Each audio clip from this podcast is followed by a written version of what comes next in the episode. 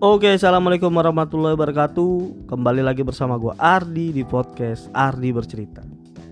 Sebelumnya gue mau ajak kalian nih gap applause sama-sama atas prestasi Indonesia yang sangat luar biasa ini, memecahkan rekor dunia. Karena hanya dalam satu hari Indonesia sudah menyumbangkan hampir seribu orang menjadi sahabat baru Corona luar biasa sekali kan teman-teman. Cuma dalam satu hari loh sudah ada hampir seribu orang yang mau jadi member baru sahabat corona. Wow.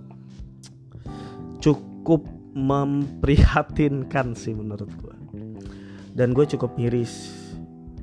Apalagi belum lama di podcast gue sebelumnya gue baru aja share cerita tentang seorang petugas medis yang baru aja meninggal dunia.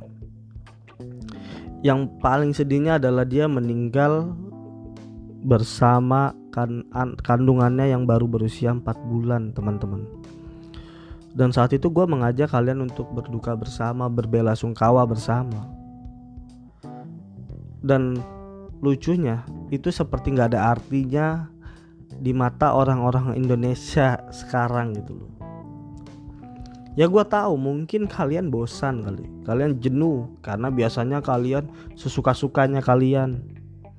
Karena gue tahu kalian bukan orang-orang yang senang belajar gitu, belajar atas setiap permasalahan, koreksi dan introspeksi diri.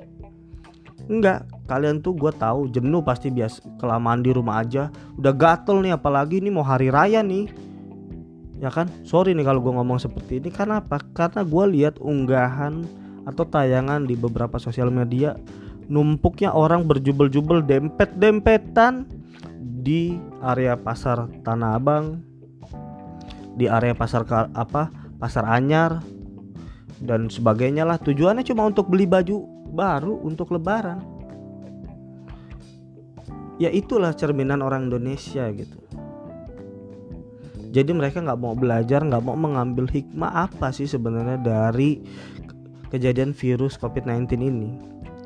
Bukannya harusnya kita banyak koreksi diri bersedih.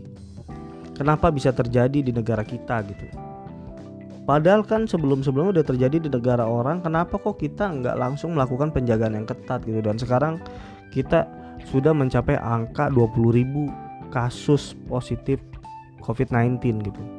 4.000 sembuh, 1.100 orang meninggal ini kan bukan sekedar angka teman-teman. Kalian kalau mau tahu ini cuma angka biasa atau bukan apakah ini hal yang simpel atau serius?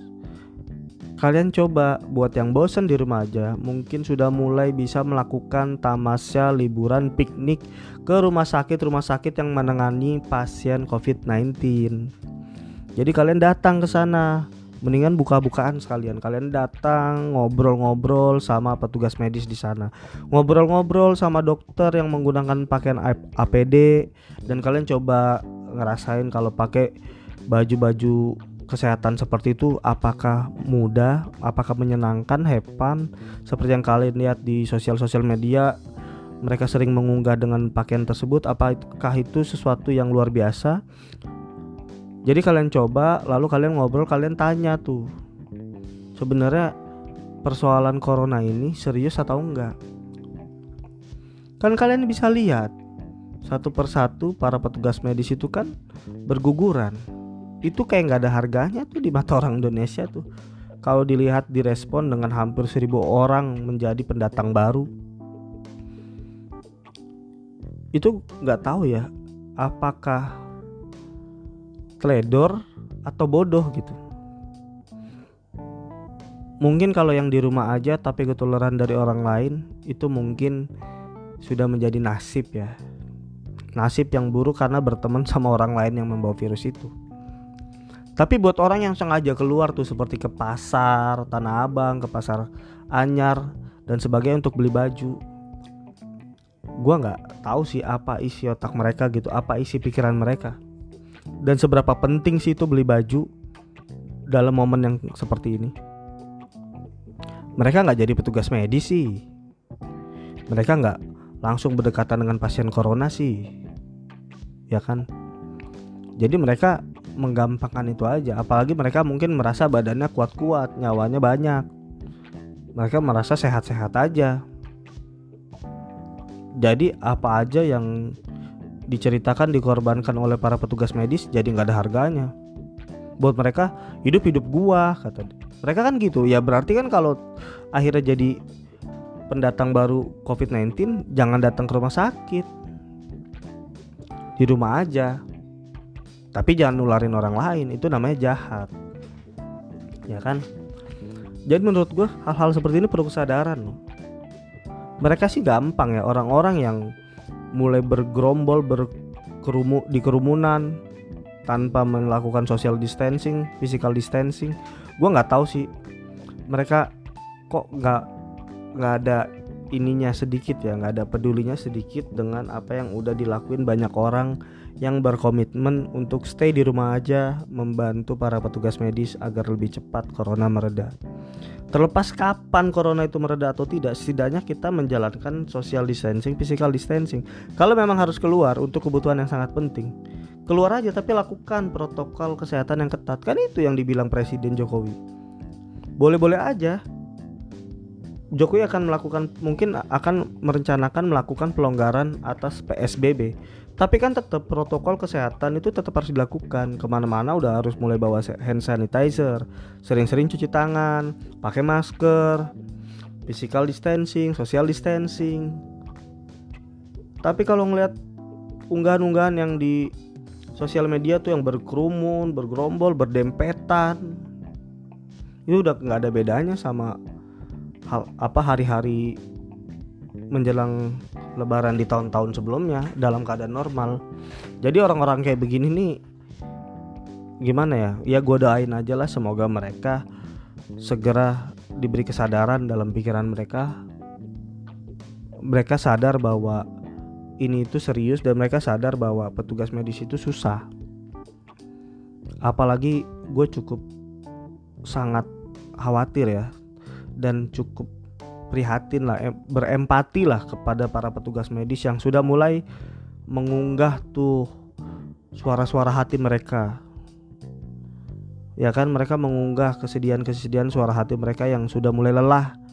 Kalau kalian-kalian nih yang nggak tahan ke pasar tanah abang beli baju itu kan kalian cuma bicara bosan di rumah aja. Ada duit banyak gitu kan. Kenapa nggak dibeliin baju baru? Kan itu duit bisa buat nanti-nanti Tuh nggak beli baju baru sekarang kan juga baju nggak berubah jadi karpet itu di Tanah Abang, nggak berubah jadi keset. Akhir tahun juga atau tahun depan juga masih ada tuh baju di Tanah Abang. Uangnya dipegang-pegang aja dulu. Ntar kalau uangnya habis, emang tuh baju mau dijadiin sayur. Sayur gamis gitu. Kan nggak juga kan?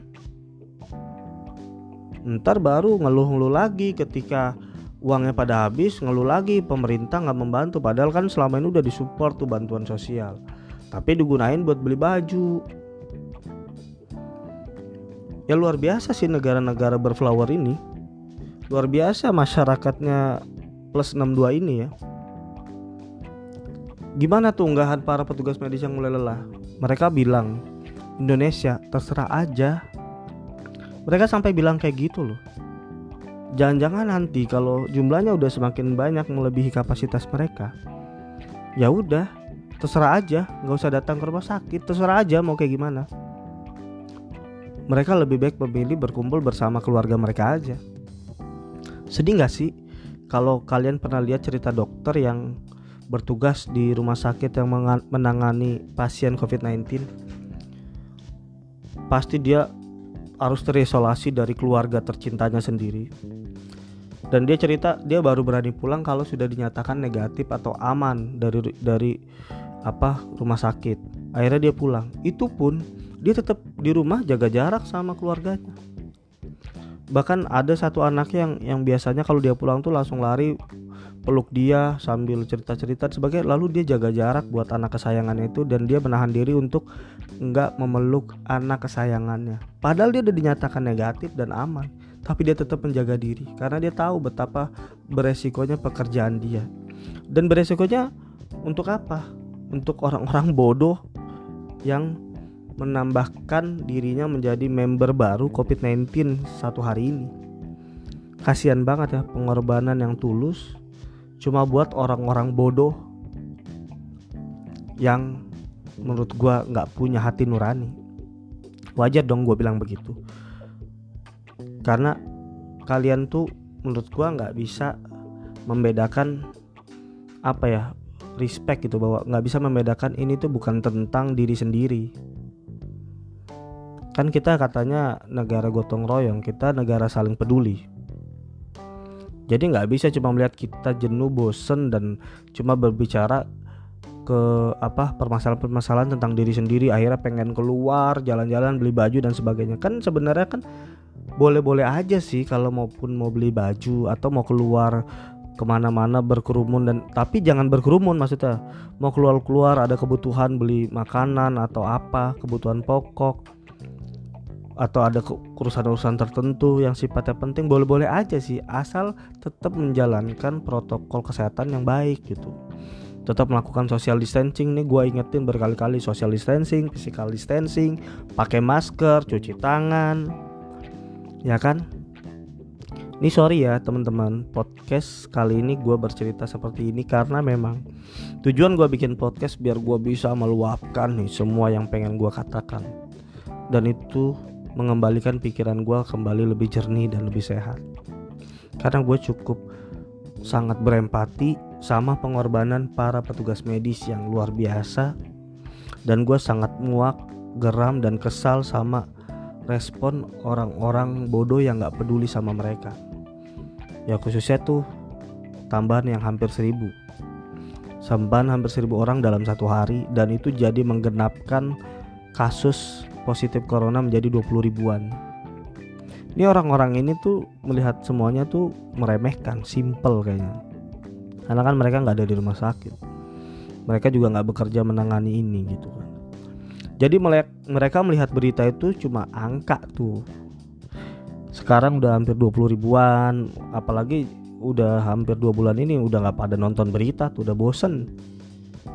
Ya kan jadi kalau sekarang melihat perkembangan tuh 20 ribuan kasus positif COVID-19 di Indonesia. 4 ribuannya berhasil sembuh dan 1100 meninggal dunia. Wah kan kecil kan dari 20 ribu 4 ribu sembuh yang meninggal kan cuma 1100 itu padahal kalau disaksin sama disaksin secara bersamaan sama semua orang 1100 itu banyak loh itu butuh lahan berapa hektar itu buat memakamkan 1100 orang?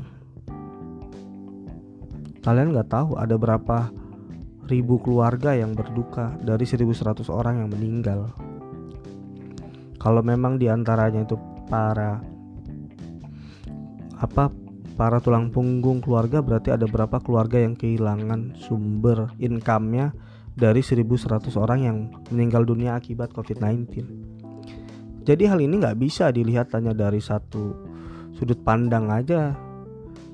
Jangan merasa kalian sehat dan kuat dan kalian nggak peduli dengan ini semua. Kalian mungkin kuat, lalu kalian bersosialisasi atau berbicara dengan orang yang mungkin memiliki daya tahan tubuh atau fisik yang lebih lemah dari kalian. Akhirnya kalian menjadi kurir virus tuh. Ya kan? Mending kurir JNE kalian. Masih bagus kurir pos. Ini kalian kurir virus gitu.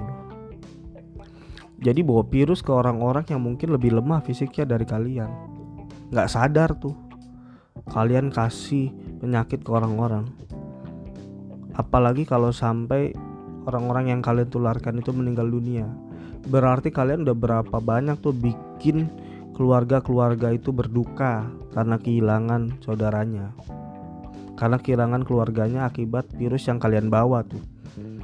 Tolonglah belajar berempati, nggak cuma memikirkan diri sendiri. Selama pemerintah masih bantu bantuan sosial, keluar rumah untuk hal yang penting aja lah. Stop lah untuk yang nggak penting. Sekarang kan zamannya kita introspeksi diri, zamannya kita mulai menahan diri. Makanya kita disuruh di rumah aja zamannya kita bersabar. Mungkin selama ini kita terlalu nyaman tuh untuk melakukan apa aja seenaknya. Nggak terasa ini udah sampai 15 menitan gue bicara persoalan COVID-19 ini ya. Cuma mungkin itu aja deh.